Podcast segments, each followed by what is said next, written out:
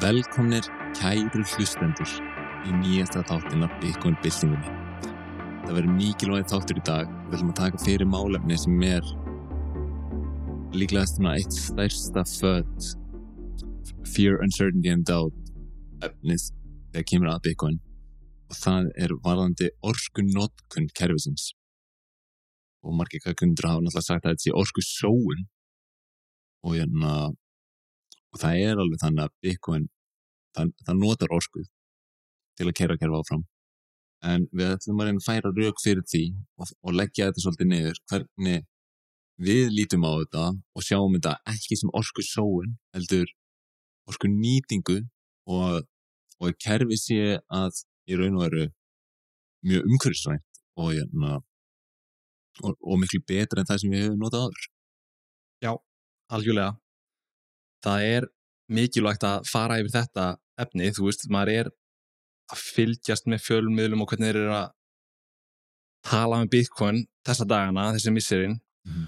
og orkumálinn eru vissulega svona stærsti einn af þessum stóru svona gaggrinspunktum um, upp á síðkasti Já, við, við höfum báðir verið í, í miklum kappræðum á Twitter við til dæmis Andra Snæ. Einmitt. Magnússon. Já. hann hefur verið svona hávær gaggrinandi á Bitcoin og aðalega út frá, út frá því sem hann vil meina að sé bara algjör orku sóun kerfisins. Og hann að Hann sagði til dæmis í hérna viðtali á Sprengisandi í Bilgjunni árið 2019 að rafmyndir á borðið Bitcoin væru algjört eyðingarafl og svo bætt hann við svona hérna bara svona ímistlegu það sem að var bara svona pínlítið ljóst að hann var ekki búinn að kynna sér hvaða virði kerfið er að bjóða mannkyninu upp á að því að þú ert í raun og veru með hvaða yðna sem er sem að er að búa til virði í þessum heimi og hann tekur og hann notar orku Amen. og það verðist vera eins og að gaggrinendur á, á Bitcoin-kerfið þegar kemur orkunni sérstaklega þeir átta sig ekki á og skilji ekki hvaða vandamál Bitcoin er að leysa. Nei, það er það sem ég fannst þegar við vorum að ræða á Twitter. Var að það, það var ekki hægt að fá útrónum hvað hann hefði viljað nota í staði. Þannig að þú veist, hann var ekki alveg að gera sér grein fyrir kannski hvað það var sem að Bitcoin leysir af holmi, hvaða kerfi er það og þú veist, við verðum að vera einhver með til samanbyrðar til að geta sagt, já, þetta er orskufræð. Það er ekki hægt að segja bara, já, af því að þetta notar orsku, þá er þetta orskusón. Það er, þú veist, hvað, hvað kerfi er þetta að leysa af og er þetta hagstæðara eða þú veist notar þetta minni, minni orsku eða meiri en mm. kerfi sem var áður Einmitt, og það er svona fyrst þegar að maður byrjar að, að átta sig á þessum vandamálum sem að getur byrjað að réttlæta orkuna sem að er nýtt í þennan yðnað þannig að sko, þú, ef þú skilur ekki vandamálið þá skiptir engum máli hversu mikla eða litla orku Bitcoin-kerfi er, er að nýta. Þú getur alltaf sagt bara, nei, þetta er sóun, þetta er er bara 100% sóun. Bara hvort sem að þetta sé hérna einn ein manneski sem er að hérna nota bara, þú veist, fætunar á sér til þess að keira, keira einhverja litla tölvi sem að keira Bitcoin-kerfi, skilur það er bara, þetta er bara sóun, skilur. Þannig að í þessum þætti, sko, okkur langar bara til að fara yfir þessar gaggrinspunkta og kafa aðeins hérna ofan í staðrindir málsins. Að það eru þessar staðrindir sem að gefa okkur nýja sín á orkunótkununa setja hana í, í samhengi sem að fólk getur auðveldlega skilið hvernig Bitcoin er gríðarlega mikil svirði fyrir mannkynnið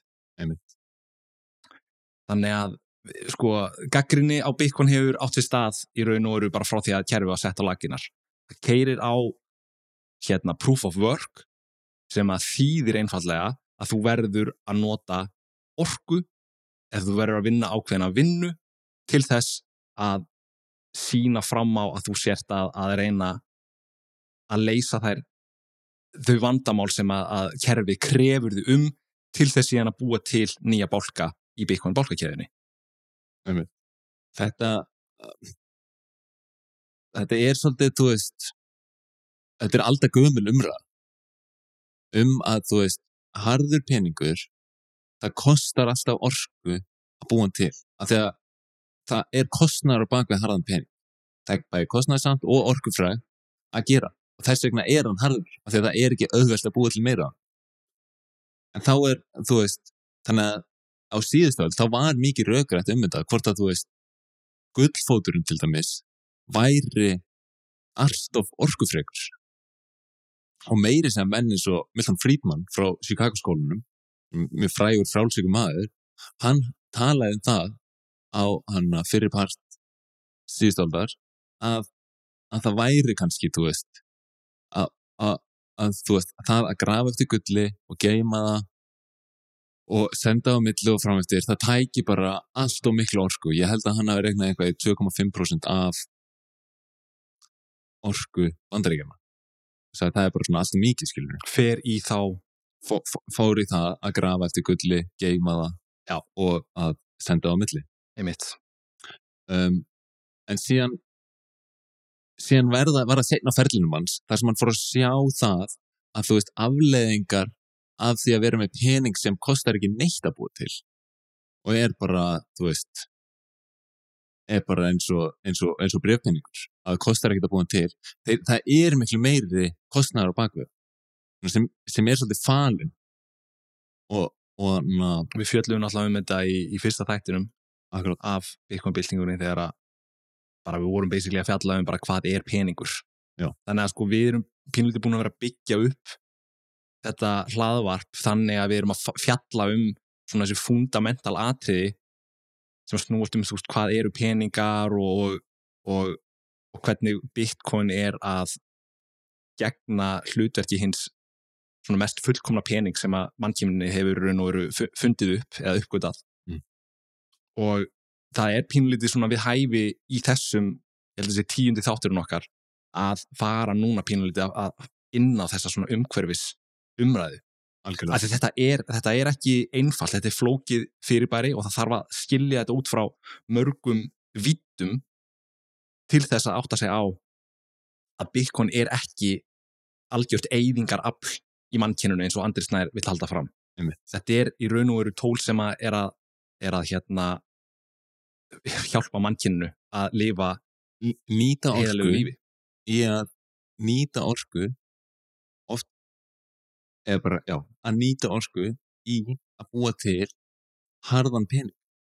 Þetta er bara svona gríðarlega mikilvægt að geta verið með harðan pening og við erum að nýta orkuna í, í það.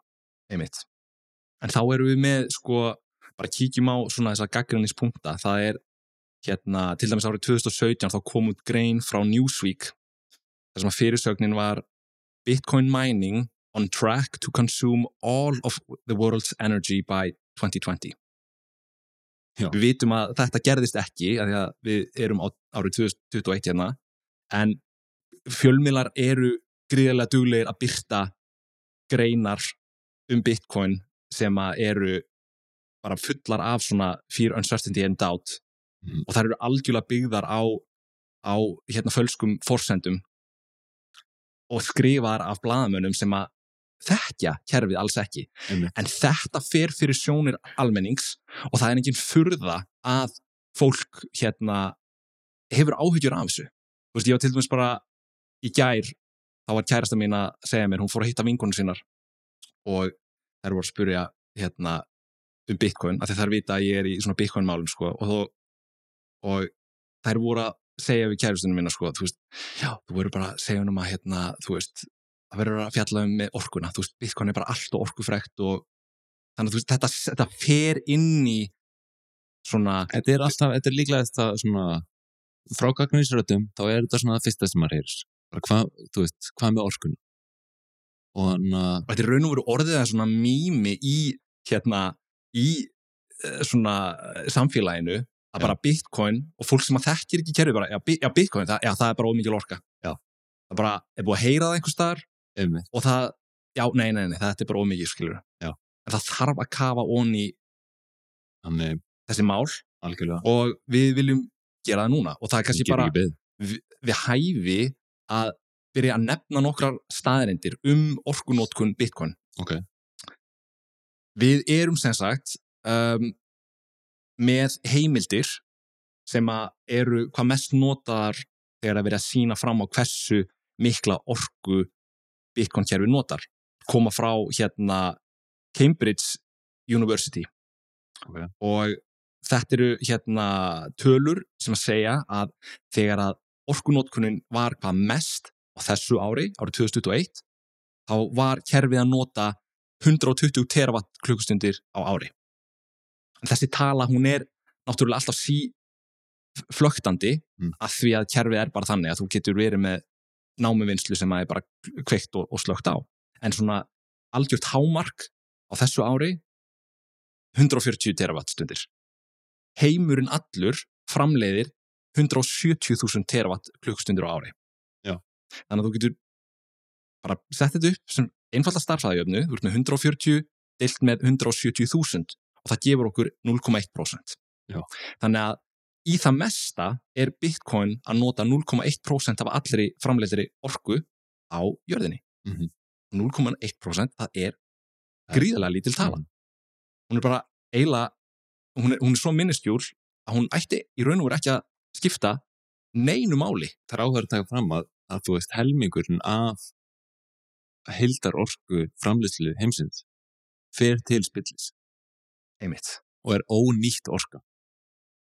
Þannig, þannig að sko þannig að 170 þá eru þá eru þannig um það bil 85.000 þeirra hlustundir Mm -hmm. sem fara bara til spillis Einmitt. og þetta er svona þetta er ofta því að þú ert með kannski þú ert með til dæmis WhatsApp virkjanir Mm -hmm.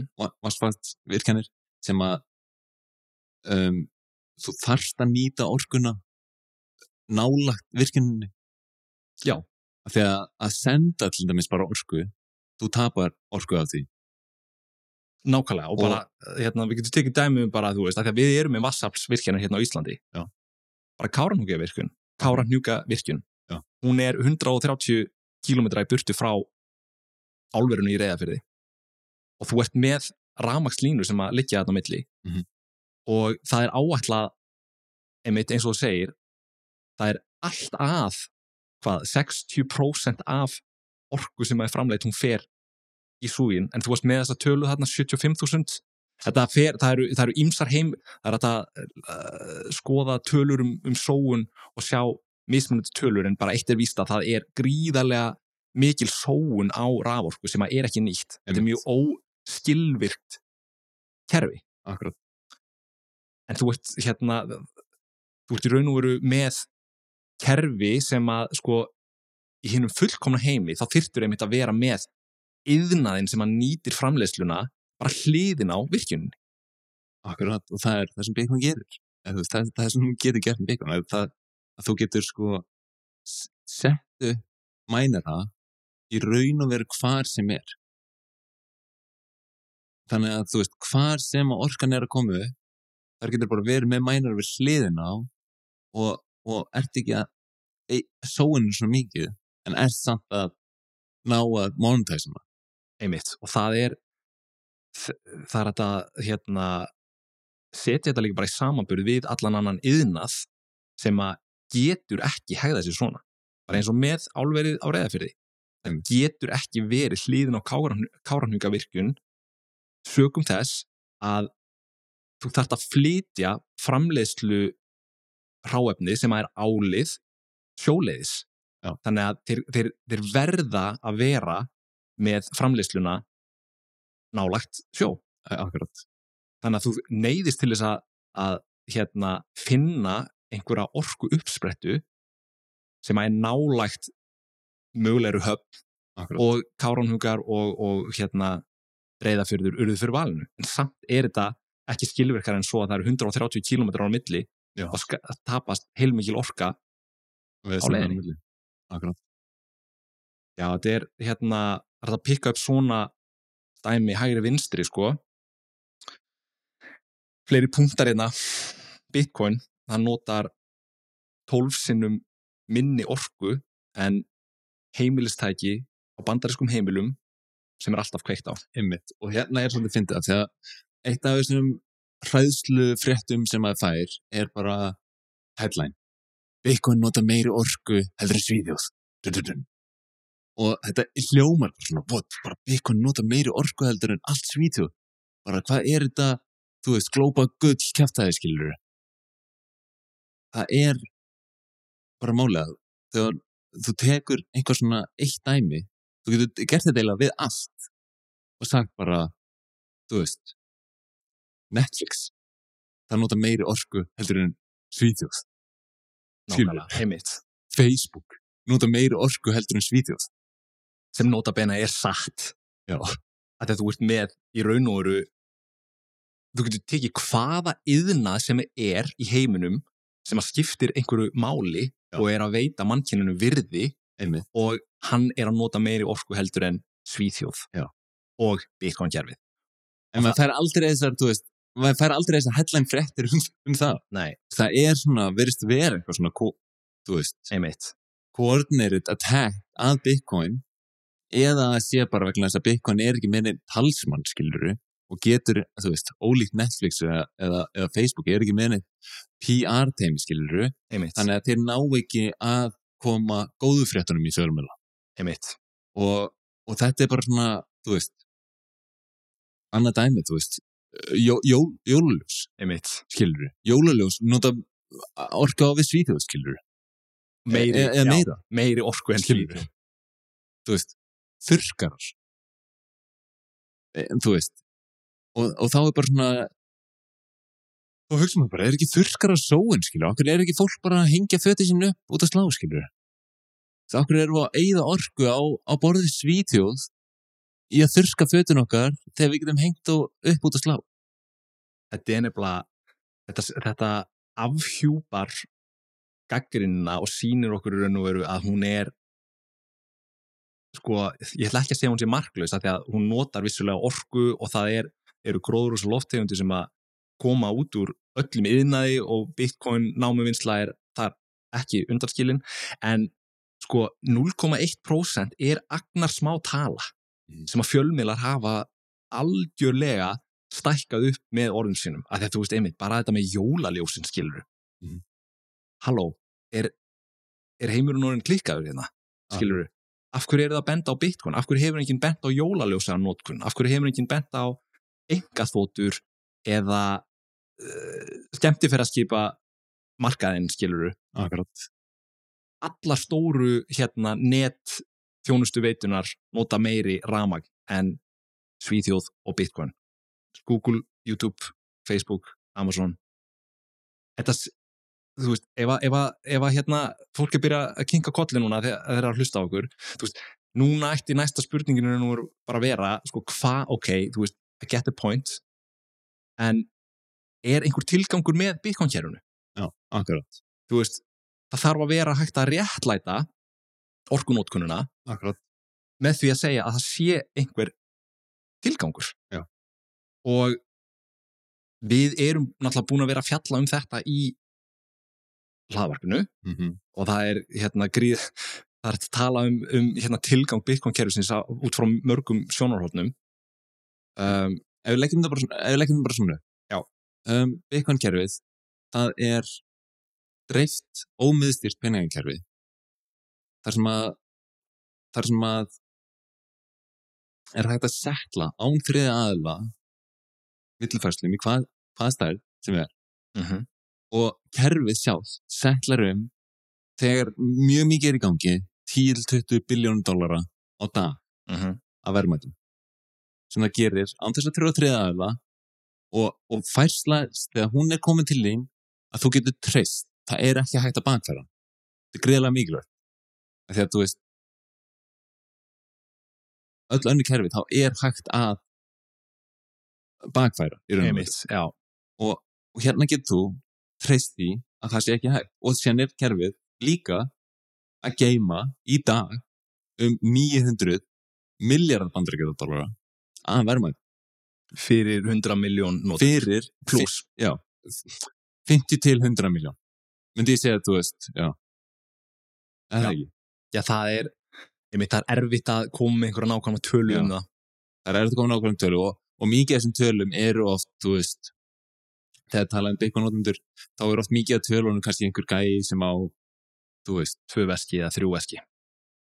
Já, eða einhver gæi sem á bara, þú veist 10 dólar, 5 dólar en þú veist, hvað eru margir að nýta kerfið í að geima verðmæti sín? Þú veist það er einhver tala, en það er í tugum miljóna manna, skilur einmitt, þeir eru að ná að geima verðmæti sín á örugum máta á hverjum einasta degi. Þannig að, þannig að eitt en að bara orkunótkunin, hún fer ekki endilega bara í það framkvæma millifæslur, þó að það sé partur af því og mun fara dýbra í það. Hún er líka að fara bara í að tryggja kerfið og tryggja það að færsla þín get, getur til dæmis ekki verið bakfært og, og na, og þetta er, þetta er lausnin sem að Bitcoin er að reyna að leysa. Það er að reyna að búa til peningakerfi sem getur þjóna öllu mannkyninu á heiðarlegan og tröstveikjandi máta þar sem að allir mögulegi notendur geta lagt tröst sitt á kerfið. Og núna getur maður bara svona veltum fyrir sér, já en þú veist, getur ekki bara treyst kerfinu sem við búum við í dag? Uh, kannski á Íslandi en í heiminum, við erum með 8 miljardar jarðabúa og það er fyrsta lagi bara 1 miljardur sem hefur ekki aðgang á bankaþjónustu. Og það tala um að kannski svona, þú veist tæpur helmingur jarðabúa býr í ríkjum sem að stjórnvöld nota í raun og veru bara svona alræðisvald og eru allra ólíkinda tól Já. og þá er kannski bara fínt að fara yfir bara nokkur dæmi um hvernig Bitcoin hefur hjálpað fólki að því að til þess að sína hvernig kerfið getur raunverulega hjálpað öllum mannkyninu, þá, þá verðum við bara að líta á þessi svona jaðar dæmi Mhm. getum ekki bara verið að tala um hérna bara svona hinn venjulega Íslending sem að þú veist, hefur aðgangað Íslandsbanka appinu og getur millifært Nei, við, En- við getum það ekki. En samt er samt að það er ekki lengra síðan en áratugur sem að bara, þú veist, fólki okkar tapaði bara sparnæðum sínum. Bara svona. Út af, út af því að peningunum var einmitt mistyrir. algjörlega. Og það var-. Það voru bara einhverju gæjar sem að gáti bara búið til búið hann til og bara lána hann og gert hvað sem er. Og það kom svolítið niður á skiluru fólki sem að held að ætti góðan sparnað en, en síðan var þetta bara eitthvað ekkert að baka einmitt og líka bara því þú ert að nefna þetta það eru auðvitað bara frækt á, á Íslandi Wikileaks áttu bankareikninga hér á landi uh, voru búin að sapna held ég meira en miljardi íslenskum krónum og voru með inn á reikningum hjá Valitor Já. sem að lokaði á fæslunar þetta var í kringum 2010 og var til þess að, hérna, þeir fjársveltu í raun og veru um, Wikileaks Já. og þetta er það sem, er, þetta er það sem að miðstýrð öll geta gert að ef þú ef þú ert eitthvað gaggrinnin eða ert eitthvað mótfallin þeirra svona þeirra já. að þá, að þá getur þeir bara lokað á þig.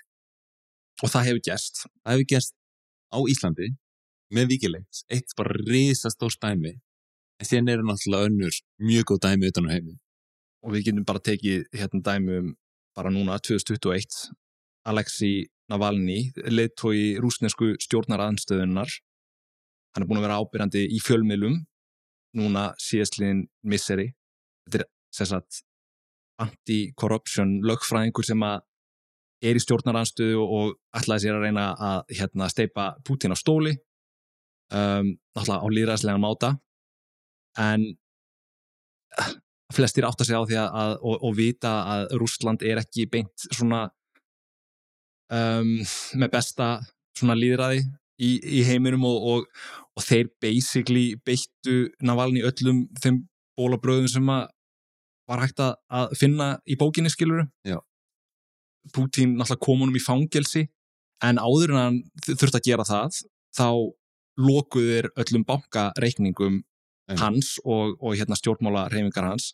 Og þetta náttúrulega bara þegar þú ert með einhvern í stjórnaranstöðu og þú ert allræðisríki Mhm.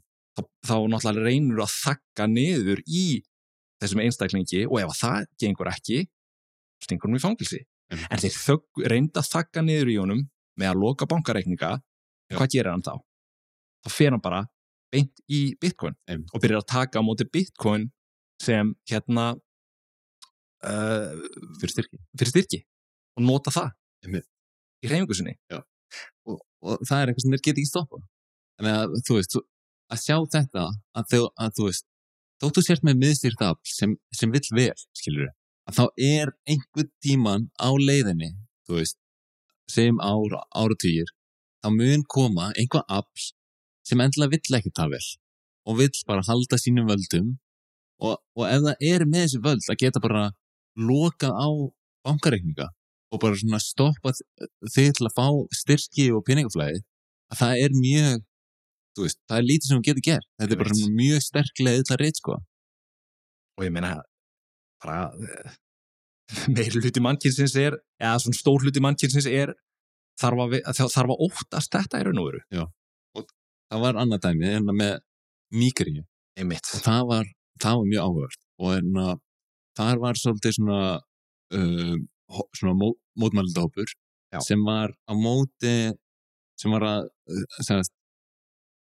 sem, var að mótmæla ofbeldi af völdum lögreglans og og þarna hafðu bæst í einhverjir, einhverjir það voru einhverjir kaupmennpartur af þessu og síðan, síðan hérna, mótmælendur og síðan held ég að það hafi bæst í hópin líka einhverjir feministar Já. og þetta var orðið alveg svona þýlist múmi þetta var raun og sko bara Nígeria er rosalegur hérna svona söðupunktur á háu stíi bara stjórnvöldin eru bara sína allræðis tilræði og og hérna þeir sem lokuðu á erlendar millifæslur Já. það voru svona kaupmenninir og þú veist þetta er náttúrulega bara efnahægurinn hérna stoppaði basically um stund í Nígerju þanga til að þeir bara neittust til þess að þú veist bara neðin kennis og, og kaupmenninir byrjuðu bara að nota bitcoin. Sem er svo magnað maður. Og þannig að ég man það kom myndband af þinginu í Nígeri það sem einn þingmaður segir bara að, hérna, að Bitcoin sé búin að gera þeirra gjaldmiðl bara gagslausan og verðlausan. Og, og bara svona svolítið magnað að horfa á hvernig Bitcoin er að þú veist er að veita svo mikinn innblástur til, til þess að fara á eftir þú veist, réttindi sínum og frelsi. Bitcoin afhjúpar spillingu. Já, það er bara, er ekki að orða það öðruvísi algjörlega. Og þess að, að við erum að tala um Nígerju þú veist, þetta er 200 miljón manna þjóð og þeir eru mjög ört vaksandi bitcoin adoption í þessu ríki. Ég held sé mesta Bitcoin adoption allra landa Já. núna í Nýgri þannig að Nígerja er hérna land sem að við þurfum að fylgjast vel með. En já, með þessi mótmæli þess að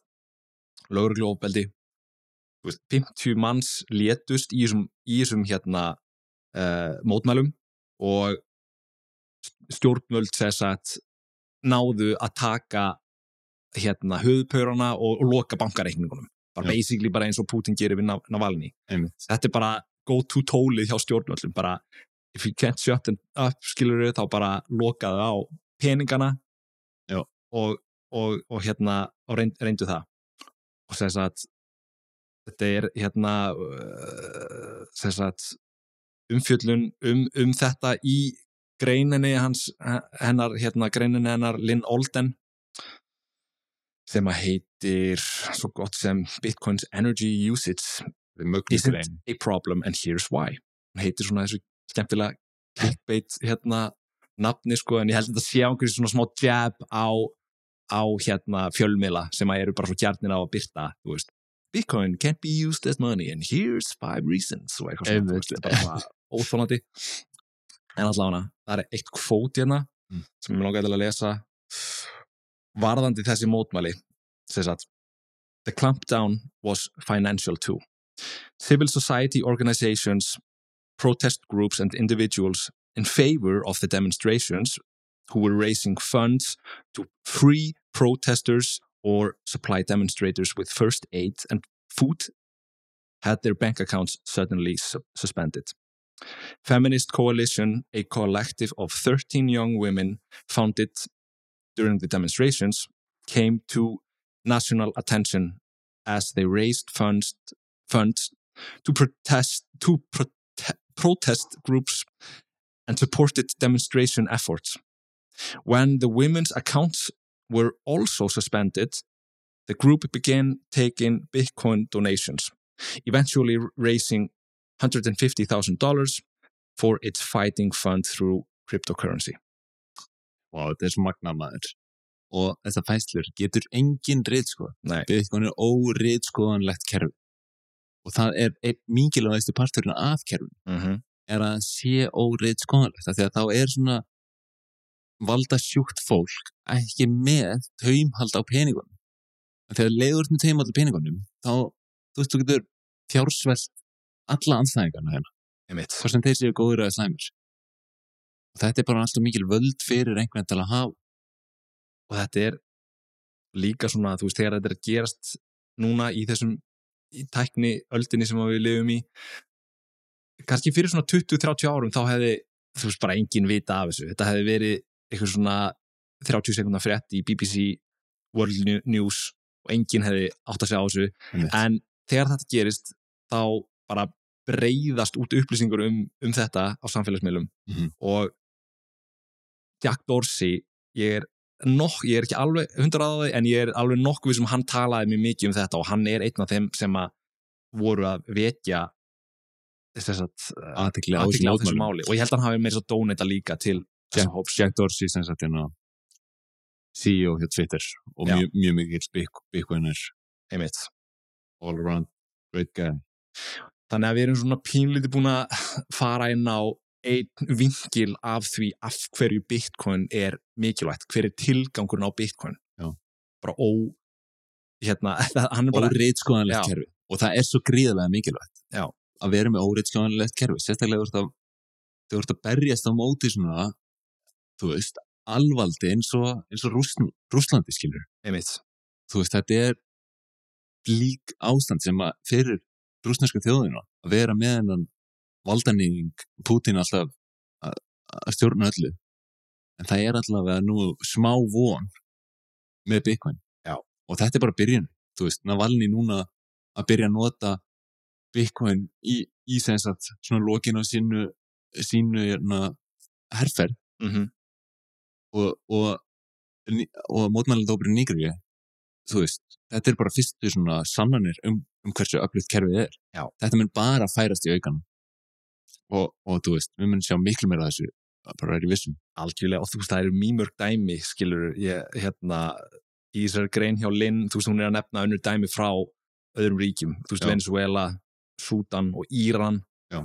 Þannig að, þú veist, en einhver Em. starf eru að, við getum ekki verið hérna í, í allan dag, Nei, það er samt magnað eins og með Íran hvernig, þú veist, bandaríkin þau eru í einhvers konar svona, á, veist, stríði við Íran og hérna útil, það er búin að útiloka Íran frá eitthvað og, þannig? og bandaríkin stjórna sviftkerfinu sem er bara svona hérna, bankakerfi sem við notum til að færa færa pening á milli landa Mm og Ég held var- ég held að það var XRP. Jók. og, og það er bara svona, þú veist að vera með, með þessi völd og vera svona mikill bara bulli, skilur að geta bara sagt bara, nei, þú, sem þjóð megi ekki vera partur af peningarnu og ég stjórna því. Skilur, þetta er bara ekki við hefum ekki að leifa neinum að hafa þessi völd, skilur þú veist. Einmitt. og, og þetta er náttúrulega bara svona hefur komið niður á þú veist, frumkvölum eins og í Íran sem hafa notabenni nota bitcoin til þess að fá bara vinnu. Ekki einu sinni, er ekki stjórnmannstækara neitt, þeir eru bara vinna eru Já. kannski að hanna heimasíður eða, eða hönnuðir eða, eða forritarar eða hvað hva er skilur Skósmiðir. þeir get ekki fengið, þeir get ekki unnið á alþjóðlegu markaði vegna þess að bandaríkin er einhverjum grötsi við íranska ríkið, skilur Einmitt. en með Bitcoin þá bara er þetta bara úr sögum, skilur það getur enginn reytskoða Bitcoin en þetta er samt ekki eina Þetta er ekki eini tilgangurinn. nei, þetta er ekki Bitcoin, eina sko. tilgangur af því að annar risastórt vandamál er verðbólga Já. og hún er það í hún er það í Íslandi og hún er það í Bandaríkjarum og hún er það í Evrópu en hún er það sérstaklega í svona ríkjum sem að eru með spiltari stjórn, stjórnvöld Einmitt. Við erum alltaf búin að vera að fjalla mikið um það. Þú veist, fólk, fólk hérna getur ekki ekki tekið peningin sem að vinna sér inn og, og, og, og geimt hann. Neyðist til þess að það er bara hundruð miljónum manns Já. búa við 15, 20 eða 25% verðbólgu. Já, það er bara svakalegt. Bara hræðilegt. En já, þannig að ef að, ef að hlustendur eru ekki samfærir um að, að það sé einhver tilgang fyrir Bitcoin þá geta þær haft samband við okkur, við erum á Telegram. Það er Bitcoin byltingin á Telegram. Ekki umræða þar já, mjög góð. Og ég var með að posta í gæri að þeirna talað um þetta að, að núna í Nýgri eru komið gegn að þú ert ekki bólusettur í Nýgri þá ferðu ekki bankarinn þetta er náttúrulega bara skuggalegt og þetta er, þú veist þetta sýnir manni svolítið svona hvað koma skars eða væri ekki fyrir einmitt, að bara svona gjörsum stjórn þú veist, þú getur gjörsamlega stjórna almúanum og láta það gera það sem þú vill ef þú ert með þaumhald á peningunum. Heimurinn er pínlítið, eða allan að hluti heimsins er pínlítið fann að gleyma því að stjórnvöld vinna fyrir fólkið en ekki öfugt. Einmitt. en já, tilgangurinn við erum búin að negla það pínlítið en við erum að tala um þessi þátti snýst um orkunótkun þannig að bara að fara pínlítið inn á bara þú veist hvers vegna nota Bitcoin ramag akkurat þú veist, við erum búin að f- fjalla um þetta áður en það er kannski ágætt að svona impra pínlítið á þessu, þú veist, Bitcoin kerfið þetta er kerfi sem að býr til bálkakeð, þetta er bálkakæðja mm. og hverjum bálki þá hérna þú býr til nýjan bálka tíminn á fresti þar sem allar fæslur Mhm. peningafæslur Bitcoin sendingar á milli notenda uh, eru staðfestar og nýjar rafmyndir verða til sagt Bitcoin einingar, units verða til við sköpun nýra bálka einmitt Kerfið er búið að vera til síðan 2009 og hefur verið með uptime uh, 99,985% af tímanum. Sagt, basically, kerfið er búið að starfa algjörlega hérna óáreitt, eða ekki óáreitt, það er búið að standa án þess að bara detta út, einmitt bara frá upphafi. Já. Og þetta getur kerfið gert vegna þess að það er ómiðstýrt, sem því það basically að eins og bara við sáum í Kína, það er hérna 40% af hashing powerinu fer út þegar Kína bannar Bitcoin námuvinslu mm -hmm. en þú veist 60% er ennþá uppi þannig að kerfi dettur aldrei út. Nei. en þú veist taktu bara dæmi um bara eitthvað fyrirtæki sem að reykur hérna bara skóveslun.is þeir eru með eitthvað database sem að þeir geima hérna á skrifstofu og tölvan hérna slök, að slökna á tölvunni og þá allt í einu bara búm, kerfi dettur allt út. Það er, ómið, eða, það er miðstýrt kerfi. Þannig að, að vera svona ómiðstýrt gerir þetta miklu meira svona resilient. Og, og þó svo að 40% þetta er bara svona að hugsa þess út í þetta Bitcoin er orðið mjög stórt kerfi í dag Já. og þetta er stærsta ofurtölva í heiminum. Mm -hmm. en það pæla bara í því að 40% hafi dottið út á það sem var, þú veist, kannski vika sem Já. þetta bara svona hrapaði niður hasreitið að það er alveg alveg magna að kerfi bara held áfram að pumpa út blocks Já. þeir voru aðeins hægari millifæslur eru aðeins dýrari Mm -hmm. tveim vikum senna difficulty adjustment og bara eins og ekkert hafi gerst og þú getur séð hassreitið á bara grafi í dag og það er bara það tekur dífu þarna í voru eða sumar.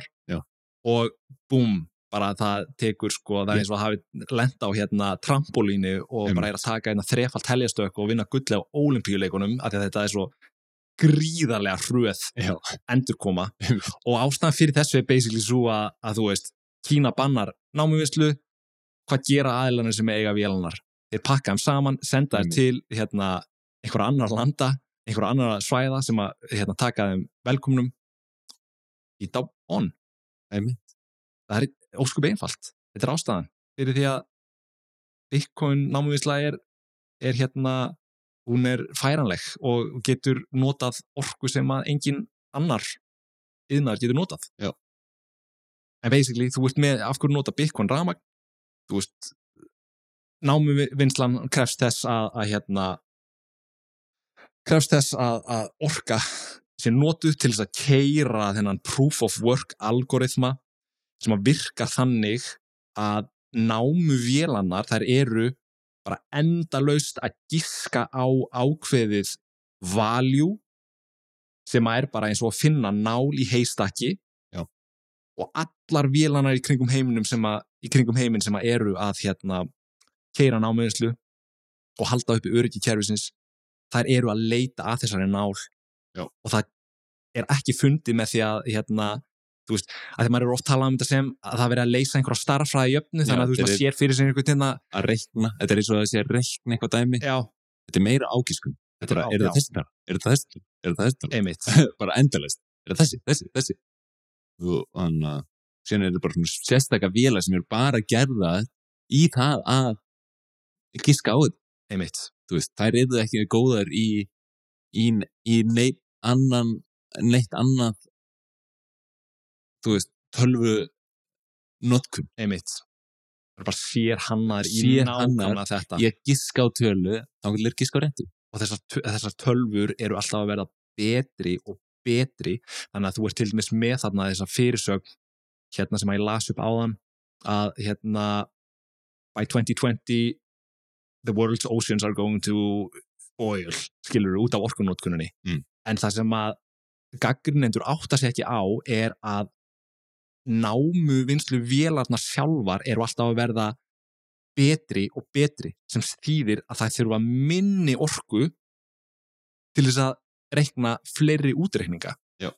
þannig að þú veist við sjáum þetta graf af hérna, hassreitinu, það fer bara sífælt upp og maður er bara eitthvað shit, hvað er verið að nota miklu orku í þetta? En nei, það, það, er, ekki, það er ekki þannig. Hassreitið er ekki að segja hversu mikil orka notuð heldur bara hversu margir útreikningar eru reiknaðir einmitt. orkan er síðan annað Já.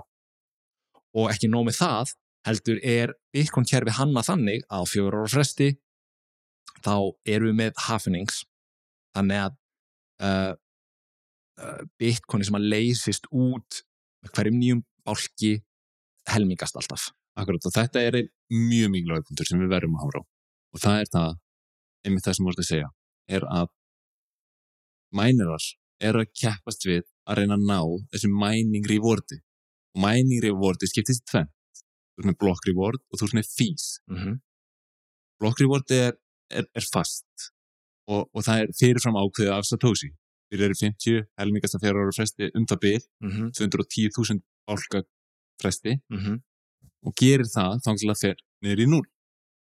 Þannig að fólk segir oft eins og það tekur, ok, Bitcoin notar svona mikla orku, þannig að hver millifæsla notar svona mikla orku. Mm. En, en, en orkan er ekki endilega að fara í að processa millifæslur, þær eru að fara í að reyna að ná þessu, þessu verðlunum fyrir að hafa náð bólkan. Já. Og ef verðlunin eru alltaf að helmingast, þá hlutfastlega náttúrulega verður það alltaf að nota minn og minni orku á hverja millifæslu. einmitt Þannig að það er mjög villandi þegar fólk segir hver millifæsla í Bitcoin-kerfinu notar svona miklu orku þar að leiðandi eða mjög óskilvist og að Einmitt. vísa notar valla neitt. En, nákvæmlega en þetta er meira, orkan er í að grafa á eftir nýjum Bitcoinum, rétt eins og það er orka notuð í að grafa á eftir gulli eitthvað, eitthvað slíkt skilur og na, þetta er mjög mikilvæg punktur af því að á endanum það verður náttúrulega null block reward og kerfið bara að að keira á fís einmitt, árið Þannig að- 2140 þegar að búið að mæna þessi 21 miljón bitcoin fengum þess að spurningu upphældi á Telegram-grúpunni, þú veist hvað gerist þegar að það búið að mæna allt bitcoinið? Þú veist, mun námið vinsla halda áfram? Og þú veist, já, hún mun halda áfram vegna þess að ef að bitcoin er ennþá til á þessum tíma, að því að bitcoin er basically bara tilraun, við gerum okkur grein fyrir því og ef að hún verður áfram starfræk árið 2140 þá mun virðið vera svo mikið að það mun réttlæta námuvinnslu bara til þess að fá fís í staðin. Já. Einmitt.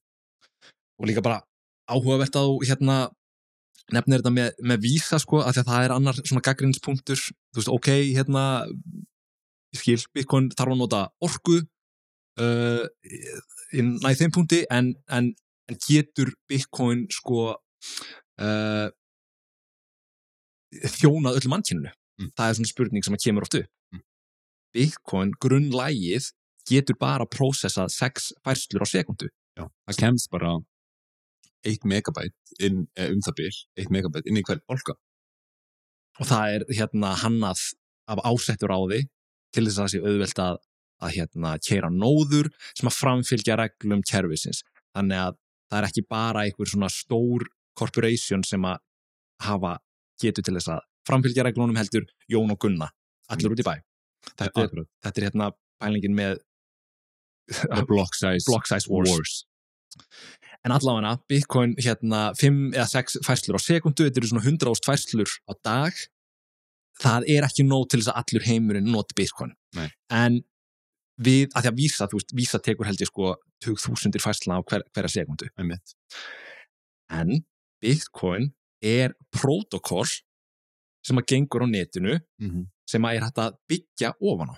Layered. Er layered, Já. það er lagskipt. Einmitt. Þannig að þú ert með þetta grunnlag af Bitcoin sem að flestir nota í dag Já. en með tímanum þá hefur sér sagt um, hafa í raun og veru hérna, já hvað sem er entrepreneurs verið að, að vinna að kerfum sem er hægt að byggja ofan á Bitcoin Akkurat. og eitt þeirra er Lightning Network sem við höfum pínluti fjallað um ætlum okkur kannski að taka bara heilan þátt í það Algjörlega. en svona í grunninn þá snýst Lightning Network um það að þú getur hérna bóði notendum upp á að senda mill, millifærslu sín á milli á instant máta Mm og með, með mjög litlu fís involved. Þú getur kannski útskipta eitthvað aðeins betur ef að ég er ekki alveg að negla? Já, um, Lightning Network gerir eh, semst greinum að ég ég myndaði bara að takir eina millifærslu sem ég sendi og ég borga mæning fees fyrir það og veist, þetta er bara proper færsla sem fer í base layerin á Bitcoin. Mhm, já.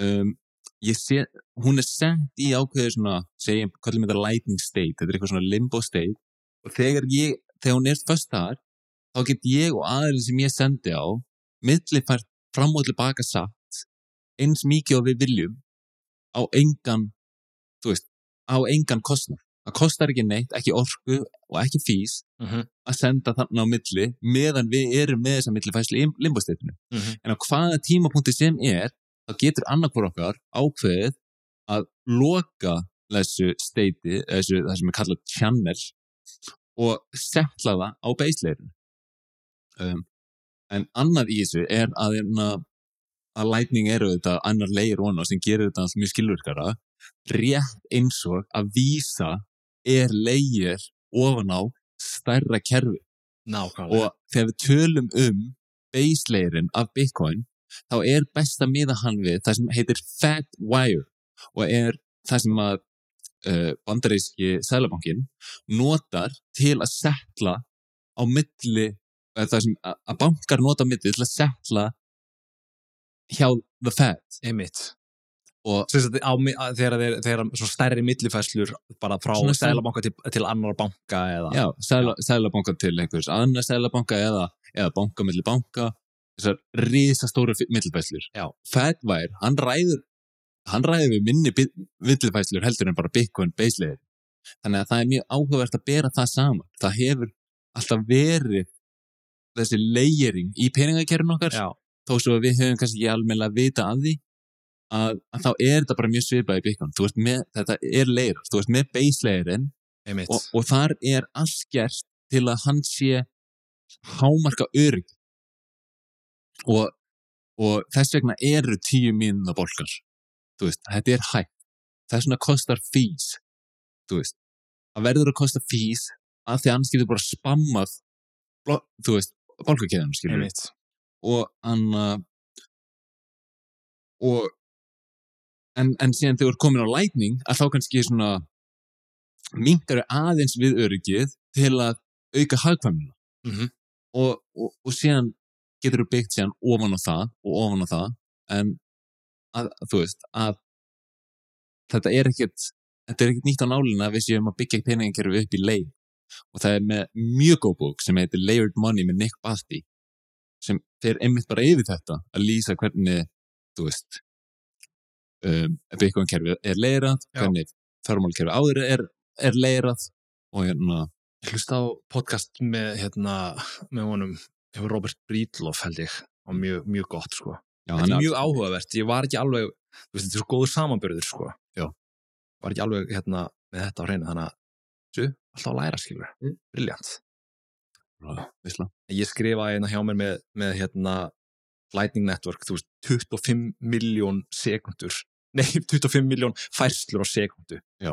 Þú veist, þannig að ef, að- ef, að- ef að hérna, Lightning Network er að fara að virka þá mun það kerfi duga fyrir allt mannkynnið og það er svolítið áhverð, það er fólk segir bara já en Lightning Network er bara eitthvað nýtt kerfi það, við vitum ekki hvort það virki einu sinni, skilur já, kemur í ljósið þessi 12 dagar það eru 12 dagar í dag að við erum að taka upp þáttinn ég veit ekki hvort við náum að gefa hann út þetta kemur líka þessu morgun að, að hérna 27. ágúst en þá eru 12 dagar í að El Salvador innleiði Bitcoin sem lögir og byggi allt kerfið sitt upp á Lightning Þannig að það verður svolítið erfitt fyrir efasendarættir að halda því fram halda efasendu sínum fram þegar að það er heil þjóð farin að nýta lætning sem greiðslu miðlunar kerfi.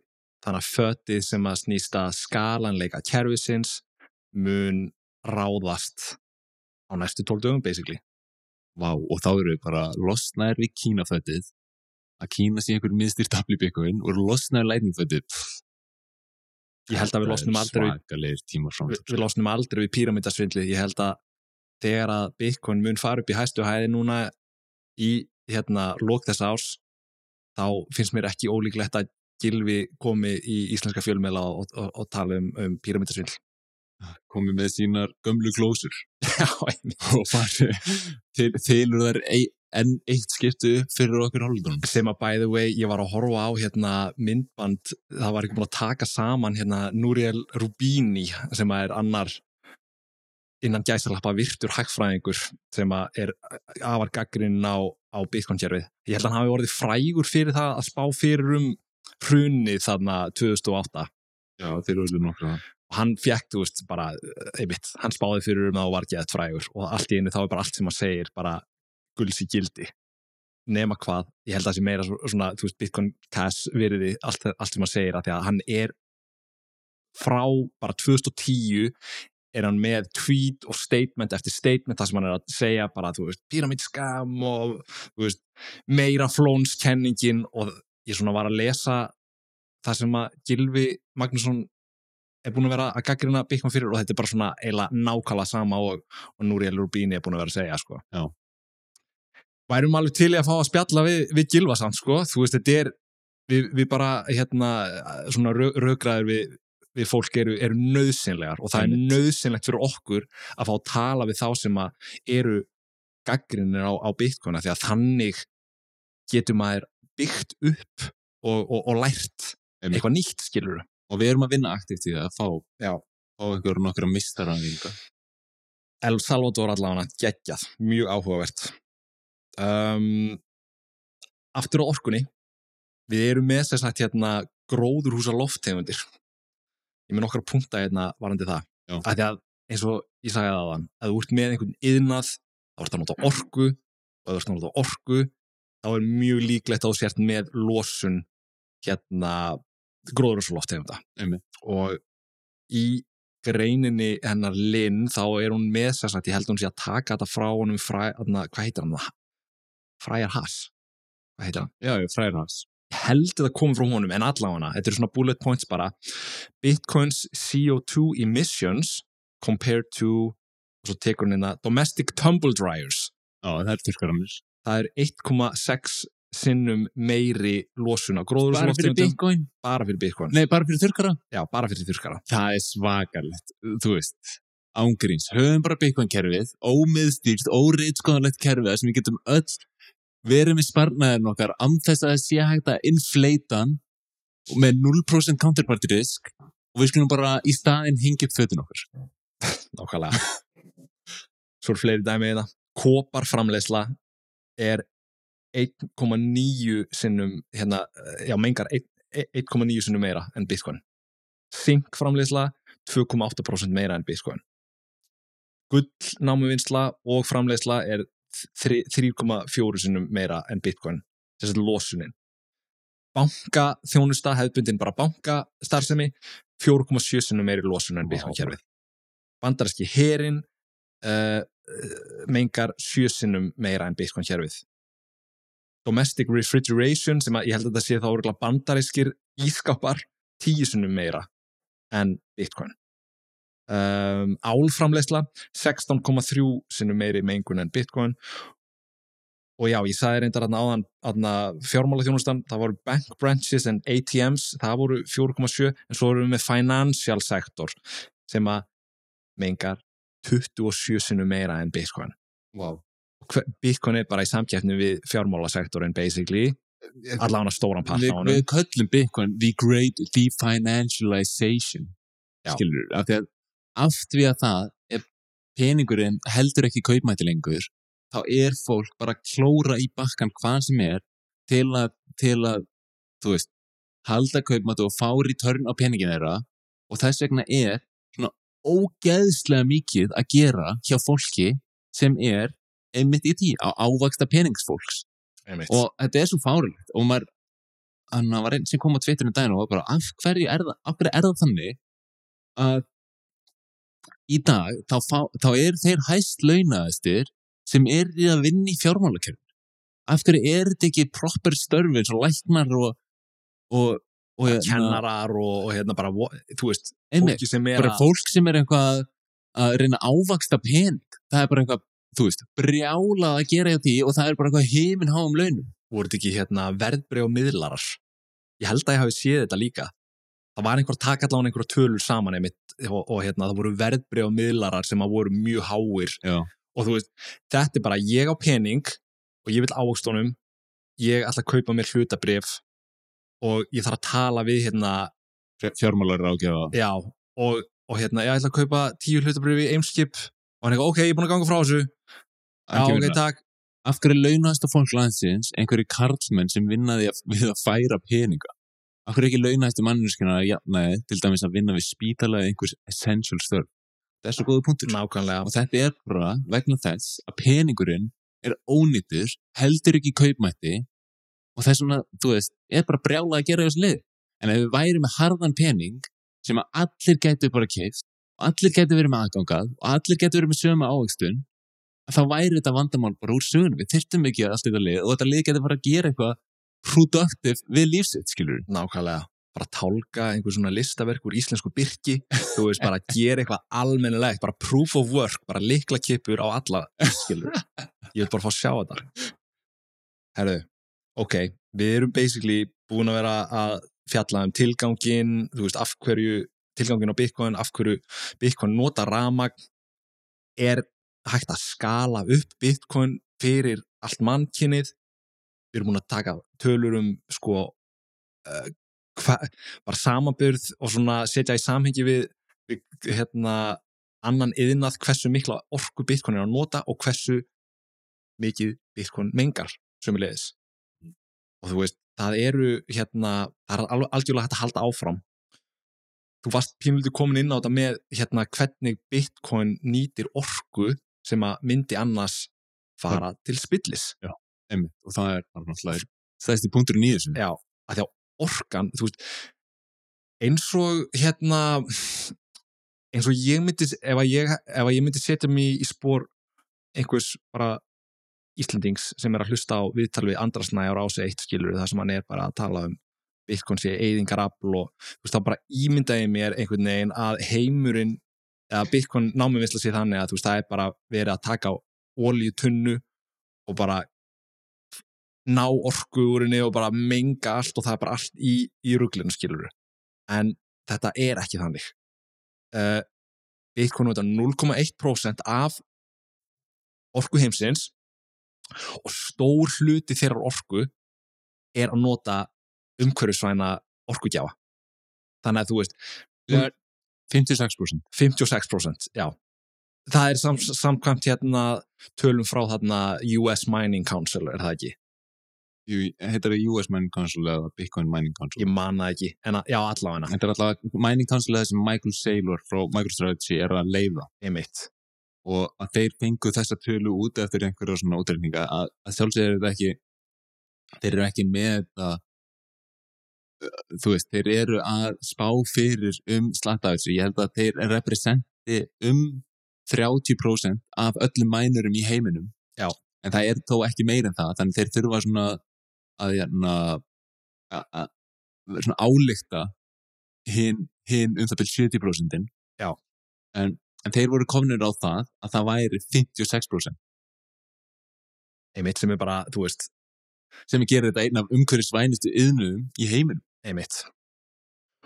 Og þú veist efasendamenn sem að gætu verið að hlusta á okkur eru bara eitthvað, já, þú veist ok, ert, af hverju, af hverju er enn Bitcoin námumisla að fara í umhverfisvæna orkugjáðu, þú veist, ég, trú, ég bara trúi þess ekki skilur Já. þú veist, það er ekki hægt að sína nákvæmlega fram á þetta Mhm. uh, ástæðan fyrir því að þeir eru að fara í umhverfisvæna orku og orku sem að myndi annars fara til spillis er svo að námuvinnsla hún keirir á svo þunri marginu sem þýð það basically að fjárfesting þeirra sem að eiga þessar námuvilar hún, þeir, þeir, þurfa að fá mjög ódýrst rám þeir þurfa að fá mjög það- þeir þurfa að fá bara ódýrsta rafmagni sem að fyrir finnst á jörðinni. Já. og ástæðan fyrir því að þeir geta keipt ódýrasta rafmagni sem fyrir finnst á jörðinni er einmitt út af þessu. Bitcoin námuvinsla er ekki eins og annar yðnaður hann er færanlegur óháður staðsetningu það er þetta að kveikja og slökkva á honum bara það eins er og mjög góð punkt það er hægt að kveikja slökk á hún að því að bara tökum dæmum á Íslandi Mm. það hafa alveg komið upp eitthvað svona dæmi bara já, slöknaði á keri nummer þrjú í álverinu Strömsvík bara því að vantaði rafmagn eða eitthvað skilur Já. og það er bara major vesen major þú veist, það, hérna, þú getur ekki slögt á sumri framleiðslu Mhm. þannig að þú verður að vera með orku sem er bara konstant Bitcoin námiðisla er ekki þannig Nei. þú kveikir og slekkur á henni af vild og þú getur meiri segja bara setta upp þannig að þú ert með hérna námiðvinslu bara í káranhugum bara með nokkar gáma Bitcoin námiðvinslu og hún notar orku þegar að það er umfram orka á grittinu þannig að þú veist Einmitt. álframleyslan í reyðafyrði, hún myndi aldrei fara söður, skilur Akkurát. og þannig virka líka gritt þú veist, þú þarft að vera með þú þarft að geta höndlað peak demand. Þannig sama hvaða dagur er þá þarft að vera með orkugritt sem ræður við hámarks orku eftirspur Já. við sko að meina? Þannig þannig að þú veist, ofta tíðum þá ert ekki að nýta alla orkuna Einmitt. flesta dagar en þú ert með hana ready fyrir aðfangadagskvöld skilur þegar allir eru með ofnin í gangi og jólaljósin. og jóluljósin og bara, þú veist, bara don't give a fuck. Og erna, en, en þannig að þú veist þá væri náttúrulega fullkomið að vera með stabílan kaupanda sem getur keift alla umframorkuna en síðan þegar þú þart hana að fá slekka þeir bara á og þú, þú nýtur hana fyrir samfélagi þannig, þú veist, Bitcoin er bara þessi bara divine orku kaupandi Já. fyrir grið þetta lausir svo mörg vandamál að því að ef að þessi orka að það, þú veist, það er engin að deila um það að það sé umfram orka og hún fer til spillis en ef hún er til staðar af hverju er þá álverið ekki að kaupa? Þú veist, af hverju er ekki einhver yðnaðar að kaupa hana? Mm. af því að þeir bókstæðlega geta það ekki. Einmitt. þeir geta ekki keift þessu umfram orku. Og síðan slögt á sig þegar það þarf. Já. Þeir þurfa hana standslist. Þannig að einmitt, þessi bara svona að ég sé alveg fyrir mér fólk sem er að gaggrina Bitcoin orku, orkunýtinguna og alveg bara svona það sér bara í, í huga sér einhverjum svona ólíu tunnu og það er bara einhverjum eldar skilur einmitt, og mengun. En sannleikurinn gæti ekki verið hérna fjarið þessu Einmitt. eitt geggjað hérna dæmu um hvernig námuvinnsla á Bitcoin er uh, umhverfisvæn Já. hún kemur frá Kína sem eru reynda núna búin að banna hérna Bitcoin námuvinnslu en að samaskapi þá er dæmið algjörlega brilljant hérna case study á hvernig er hægt að nota Bitcoin þess að Kína er með mjög mikið af svona vassfallsvirkjunum, bara eins og við erum með á Íslandi. En þeir eru líka með sko, það eru rigningatímabil sem að uh, verða til þess að, að, að vatn sem að knýr virkjanir fer bara algjörlega á overload á ákveðnu tímabili. Mhm. þannig að þú ert með alveg gríðlega mik mikla framleiðslu af rafmagni sem að þú veist það er engin kaupandi í tvær vikur af þessari umfram orku þannig að það fer basically bara til spillis en þá kemur í söguna Bitcoin námuvinsla þú veist bara með aðila sem að eiga námu vélar og þeir eru búin að breytast í sagt, bara svona farand námuverkamenn. Þannig að þeir vita af því að í til dæmis Sichuan héraði í Kína bara í, á ákveðnu tímabili, ég man ekki hvort það sé júli eða whatever, það skiptir ekki máli þá bara koma þér þangað og kaupa orku á bara skít, skít og kanil, bara slik gegn því að fá orku sem það er notað til þess að náma. Þannig að þá keiraður upp sína marginu á, á þessu Einmitt. og, og, og hagnast á því. Þarna eru þeir að, að nýta orku sem að myndi 100% fara til spillis. Algjörlega fara til spillis. Þeir, þessi námuverkamenn er ekkert að gera þetta af umhverfi sjónamiði þeir eru að gera þetta til þess að græða pening. Já. og það er bara pínlítið þannig þú veist, En bara incentive-struktúrin er hann þannig að þetta er bara hagkvæmt fyrir alla. Já. Þetta er hagkvæmt fyrir þá sem er að mæna, þetta er hagkvæmt fyrir þá sem er að reyna að selja orkuna og, og fyrir þá sem er að nýta kerfi. og umhverfisþátturinn, bara umhverfisvæni þátturinn kemur bara sem sko svona auka afurð Einmitt. en svo bannaði Kína Bitcoin Þannig Og við þurfum hérna- ekki að tala hefur lengur. nei, En þá er það með gasmæning. Já, það Hann er að- klikkað. Já, það er klikkað og hann talar mjög mikið um þetta hann Marty Bent sem er hérna í podcastinu Ta- Tales from the Crypt mæli, mæli mjög mikið með þeim. Og hérna þeir eru sko það er þegar þú ert að grafa á eftir olju að þá kemur upp met metangas. Mm -hmm. og, og metangasið er, þú veist erfitt að nýta af því að þú þarft að gera lagnir og þú ert að, þú veist, til að koma því áleiðis. Um, þannig að bara ofta tíðin þá er það bara ekki hagfæmt svo að það sem er gert í staðin fyrir að, að láta me metanir leka út í andrústofta því að metanir mun hættulegra heldur en kóltísýringur að þá er kveikt því. og, og maður hefur séð það. Þú, þú séð svona stóra bórunavél einmitt. og síðan einhvers staðar serður svona staur koma upp og þar er bara svona eldur. Já. Sem er bara að vera að kveiki. Og, na, og, finn- og, og þetta er það þetta er bara metan, bara að vera að kveiki metan. Og, na, og það fyndi með það sko að maður horfur á að sé búið að kveikja í og maður er alveg svona, ó nei það er verið að menga svo mikið. En í raun og veru þá er verið að menga minna heldur en ef Já. þú lætur metani fara upp.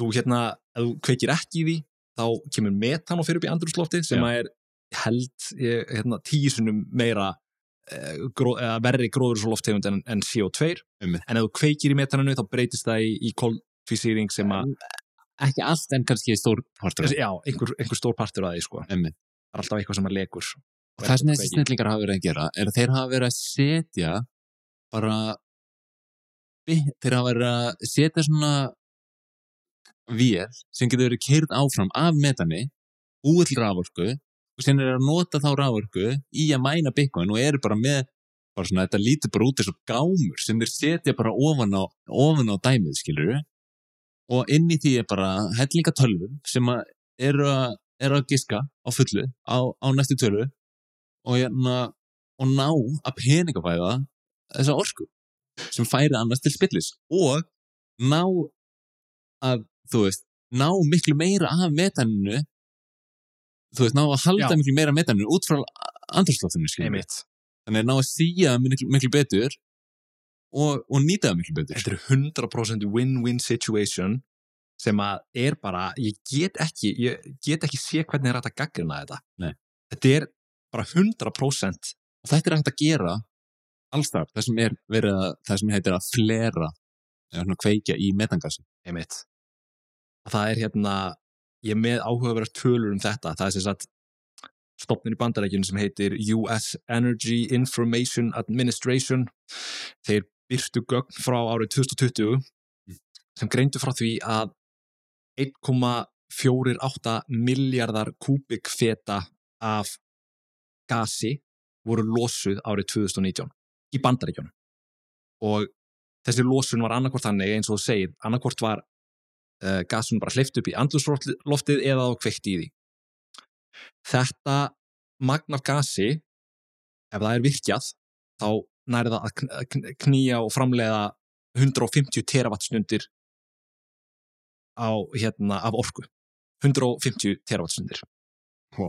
og við vorum að segja áðan, við vorum að tala um hvað Bitcoin notar mikið á 150. pík, 140 Já. þannig að bara gasið sem að fer til spillis í bandaríkjónum dugar fyrir allri nýtingu, nei allir orku, orkunótkun Bitcoin kerfisins í dag Já. það er bara í bandaríkjónum Er það bara í bandarík? þetta er bara í bandaríkjónum Það er þetta er algjörlega að klikka sko þannig að ef þetta óseljanlega gas að eins og segir, þú veist, þetta er, þú veist með einhverja hérna, olíuvinnslu í, í hérna, Það er út í raskati.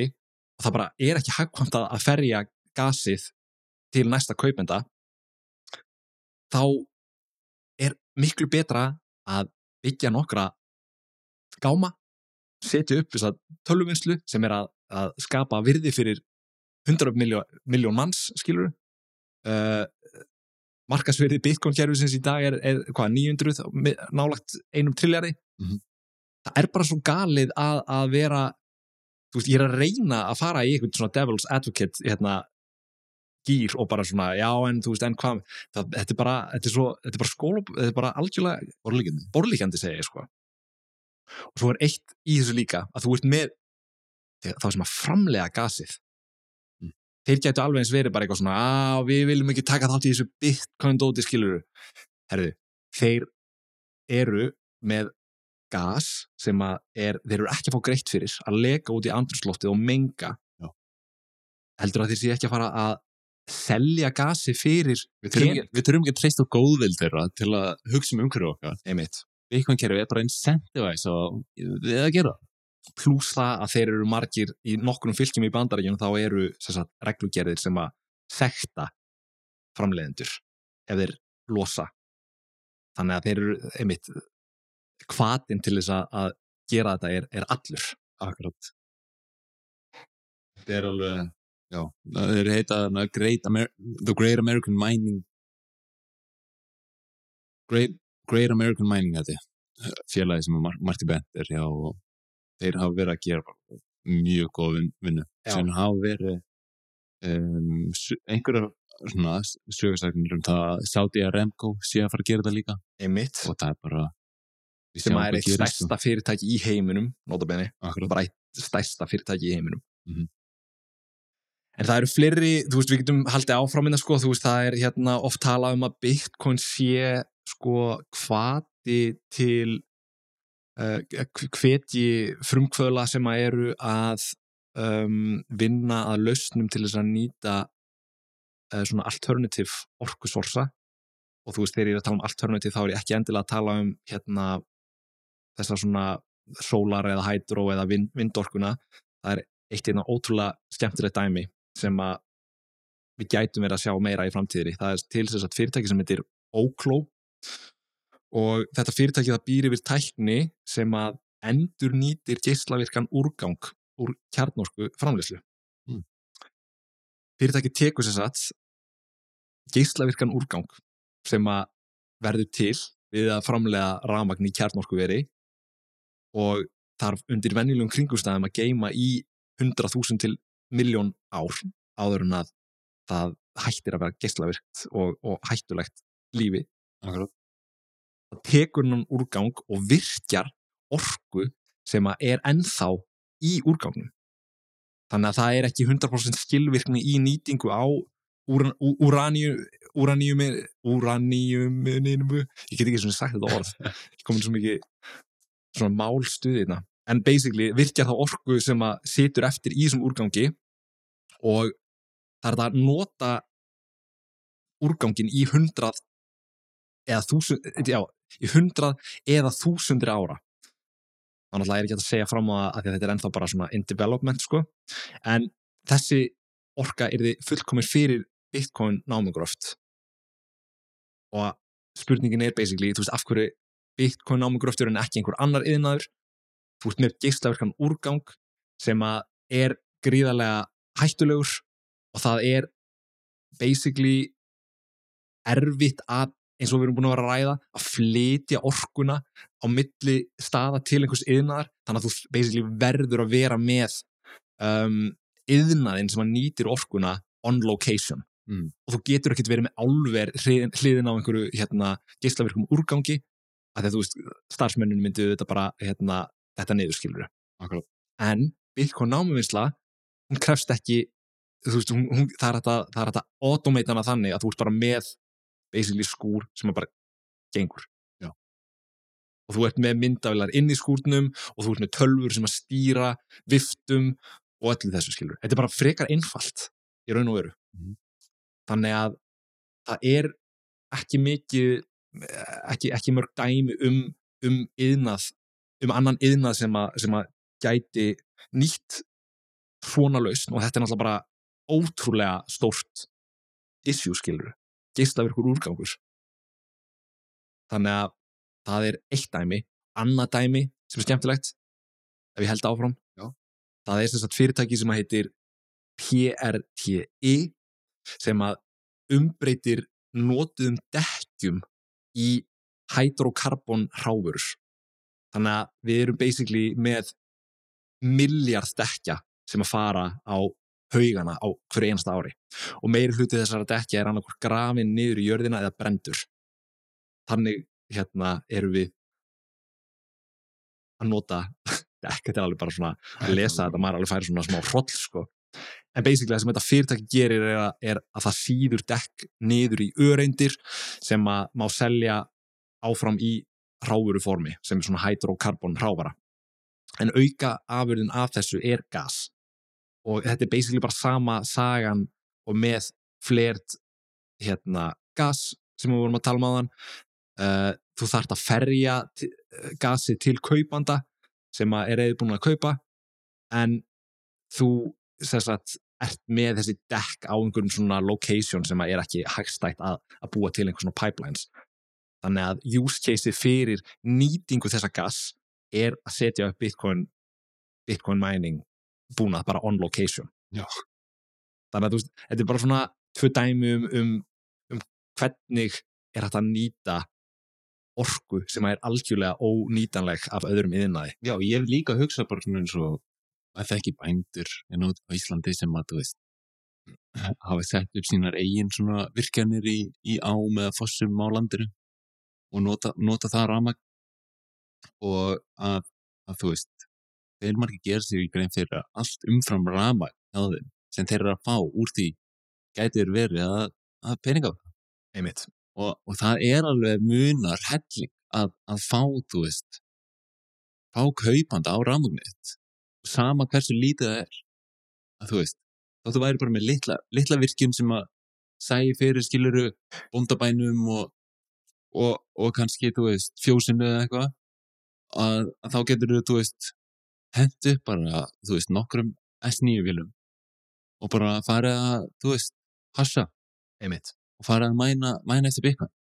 Og það er svo magnað. Og það sýnir mann svona hvað þetta er dreift kerfi skilur að, að þú veist orka er allstaðar þannig að geta fólks til að grafa eftir Bitcoin er allstaðar og bara svona það sem orka er þar getur þið fara að grafa.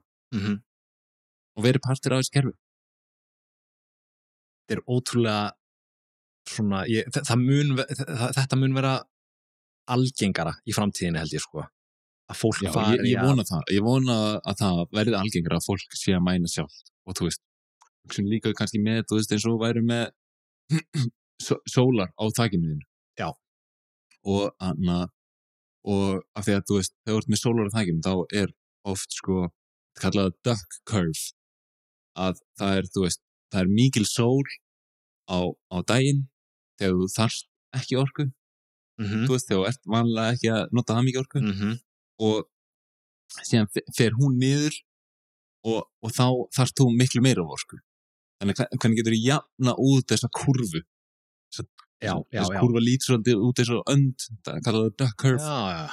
og hvernig getur þú jafnað þetta út? Og það sem Elon Musk hefur verið að segja er að við getum jafnað þetta út með batterím þannig að þú bara, þú veist, hleður batterín þegar sólinn er uppi og, og síðan nýtur það þegar sólinn er niðri. Mhm, en, en það er samt enda, þú veist, þótt þú er að hlaða batteri, þá er enda bara, þú veist, panelin er enda að taka við orku og, Já. hún er bara að fara til spillis. Einmitt. Hvað ef gætir verið bara með nokkra mænara í bílskurnum sem væru færu bara í gang um leið og batterið eftir full og byrjuðu bara að, að klokka Þetta er hérna, það er til fyrirtæki í Suður Afríku sem heitir Sun Exchange, það getur googlað þetta.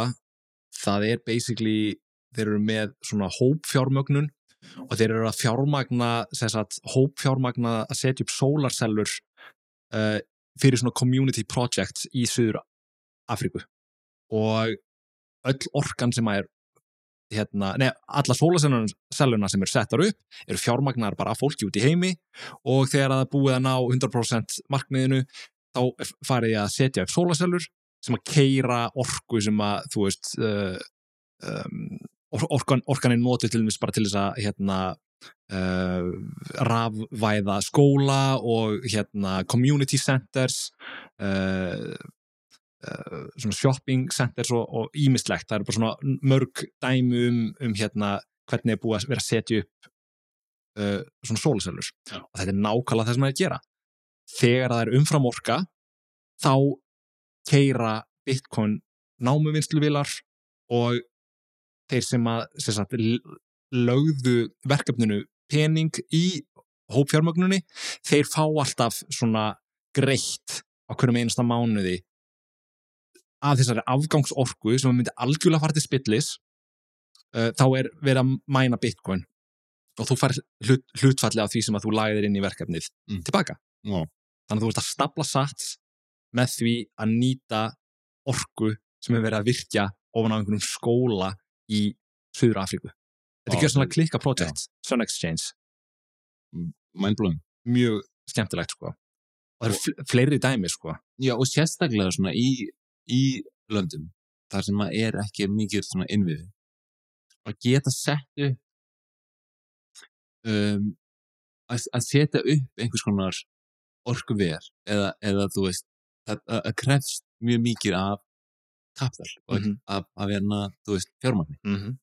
og, og það er vandamálegar að ofta voru komendu að þá ert ekki með en að kaupa eftir þannig að þetta gerir þetta svona svolítið þú veist, það er svolítið erfitt að halda áfram þegar, þú veist, þú getur ekki sett upp orkuverðið að þú ert ekki með kaupendu og þú nærði ekki að byggja upp nægilega háþróa samfélag því þú ert ekki með náðu mikið orku mm -hmm. en hvað þú getur byggt þessu orkuverðu sett byggjumænira til að, þú veist, fá pening tilbaka Heimitt. og síðan finnur þú kaupendur Nákvæmlega. Og kaupendurinn vita að orkan er til staðar þannig að þú veist þetta er svolítið svona gerur okkur kleift að orkuvæða heim þannig að oft segir fólk skilur bara já byggun notar ómikið á orku og þú veist við erum bara í einhverju umhverjusleysi þú veist það er sem er þú veist það er satt að við séum í þú veist það er hana, mjög mikil áhætt á bakvið lofslagsbreytingar og, og,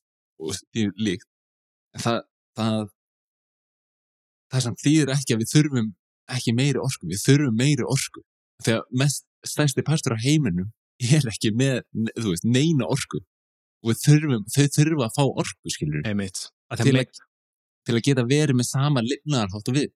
Já, meiri orka þarf ekki endilega að þýða meiri gróðuráslofttegundir Algjörlega og það fyndið, eða ekki fyndið, þetta er bara áhugaveru punktu sem voruð að nefna með hvernig svona það sem að innviðinir eru ekki til staðar að, að, hérna, að setja upp mögulega, þú veist, veist með virkjun ég held að það sé að gera þetta í El Salvador þeir eru með hérna, einhverja svona hydrovirkjanir mm -hmm. en þeir eru ekki með infrastruktúrun til að byggja upp rafmagsskritið til þess að, þú veist, ferja það til einhverja bæja skilur, svo að fólki geti notað orkuna. Æmi. Þannig að þú getur sett upp námu vinslu hjá virkjununni, sapna peningum sem hún nýti síðan til þess að klára fjármögnununa á, á gritinu í staðin fyrir þess að fara til EMF og fá einhver lán, skilur eins og, þeir, eins og, eins og, eins og þjóðir hafa verið basically að gera. Svona hérna þeirrið heimsriki Já. en svo ertu með aðra staði í heiminum sem hafa innviðina. En það er enginn yðnaður að nota þá og þetta er gott dæmi sem er í greinni hennar Lynn Olden þar sem hún er að nefna dæmi um sagt, í Kanada. Þá ertu með á nokkrum stöðum um, og byggja vassaflsvirkjanir uh, sem, sem voru notaðar til þess að, að hérna uh, framlega ramagn sem að sko svona timbur framleiðsla notaði.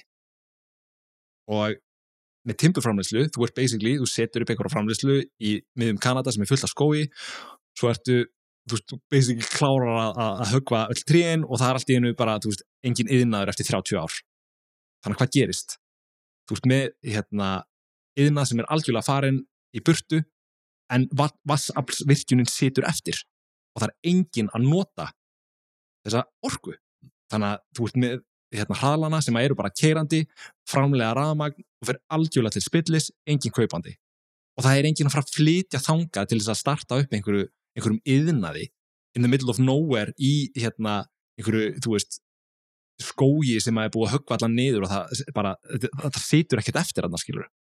Nema námiðvisla og bitcoin. Þannig að það er verið að hérna, hann búið að setja upp búið að setja upp hérna námuvinnslu sem að eru að keira á orgu á þessum vassaflsvirkjunum sem að, sem að í raun og voru, voru ó, ónýttar.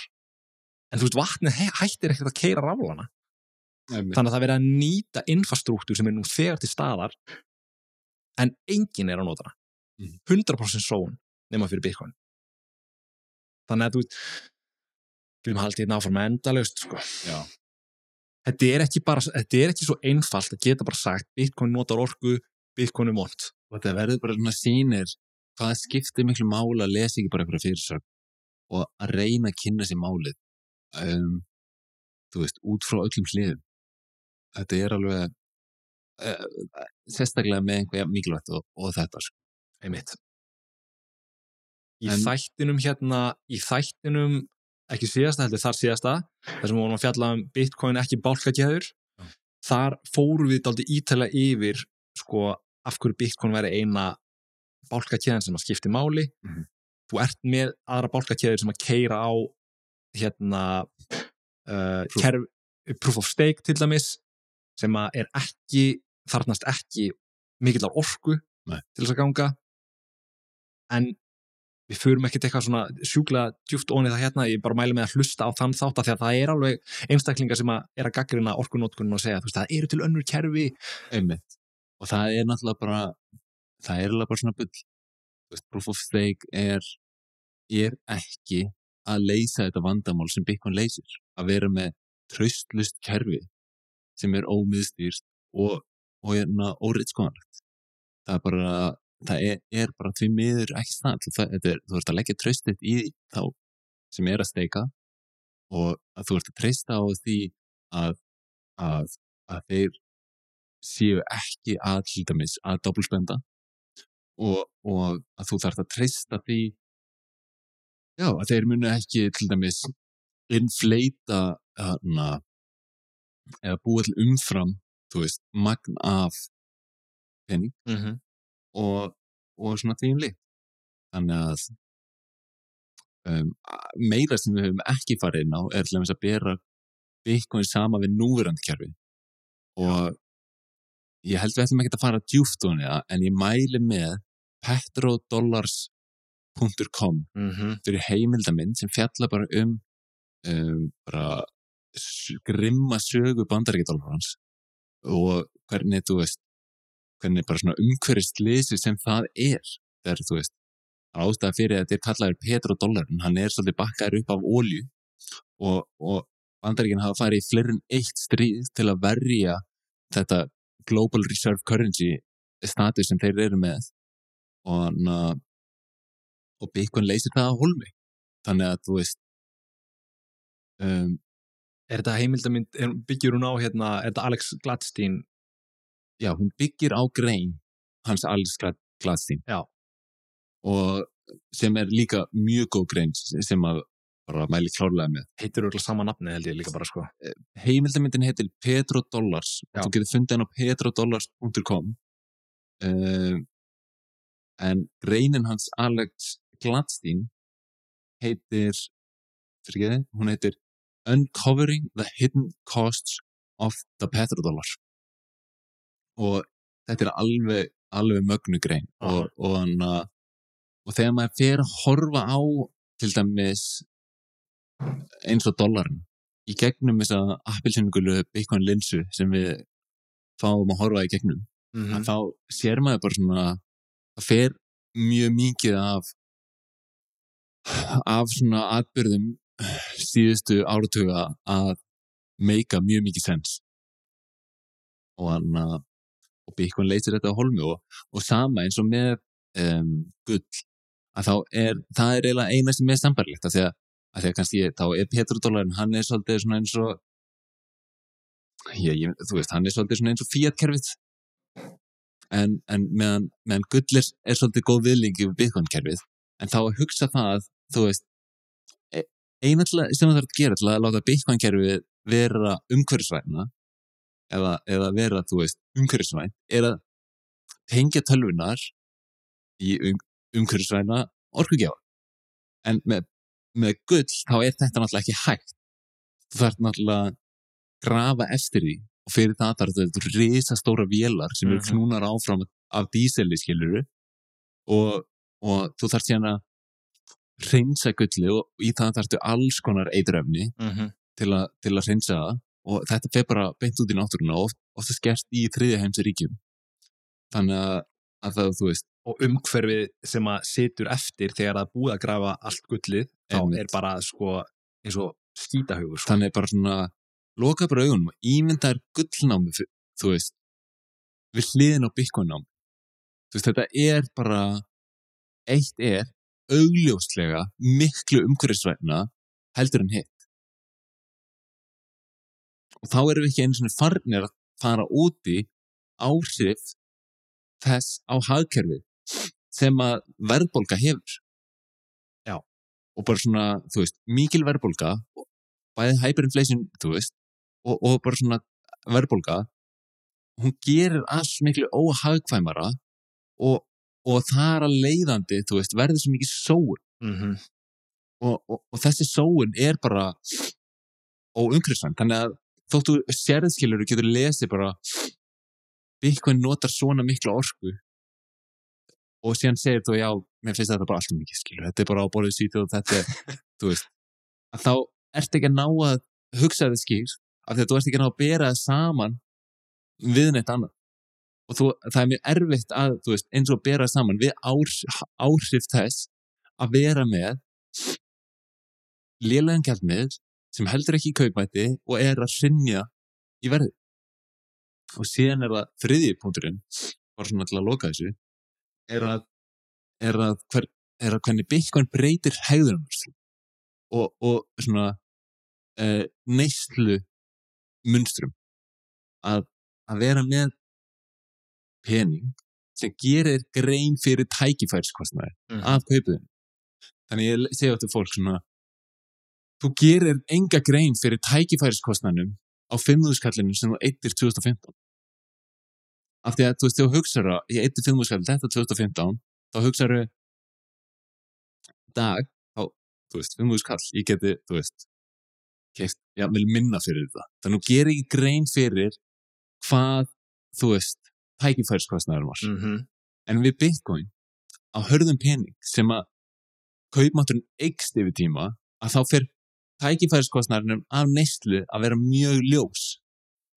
Og, og þegar það gerist þá bara svona minkar neysluhaugun skilur og þú fer að eyða minna og spara meira. Og það er náttúrulega bara þú veist, það er sem við þurfum í dag, það er alltaf mikið neyslu samfélag við erum að eyða alltaf mikið í bara drast sem við þurfum ekki. Og, og það er út af arguably, út af fiatpinum af því að hann heldur engum kaupmætti að þá viljum við alveg eins bara kaupa okkur eitthvað drasl í staðin fyrir að minka valjú á því að halda hann einmitt. Og að Nei, Þetta er ótrúlega góða punktar sko.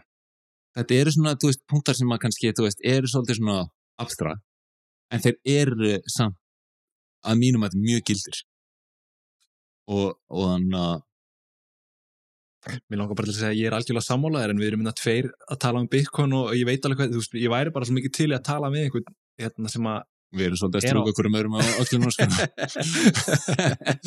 þannig við munum þurfa eða það heldur Andrés nær myndi að kíkja? Ég veit það ekki, ég held ekki en ég væri alveg til í að kannski maður senda honum skilabóð Já, væri gaman. sendum honum enn þátt og bara svona sjáum hvað honum finnst. Veist, bara svo hlustundu viti, við erum búin að vera að senda á hérna nokkra nokkra hérna einstaklinga sem við viljum fá í podcast að ræða við okkur og raukraðum byggun og náttúrulega fengum hann má úrgang hérna í síðasta þætti, það var alveg frábært spjall. Já, mjög góðum bráða. og þú veist, við viljum klínulítið gera meira af þessu svo við séum ekki bara alltaf einna eitthvað að- óta okkar tóta með bitcoinið endalaust.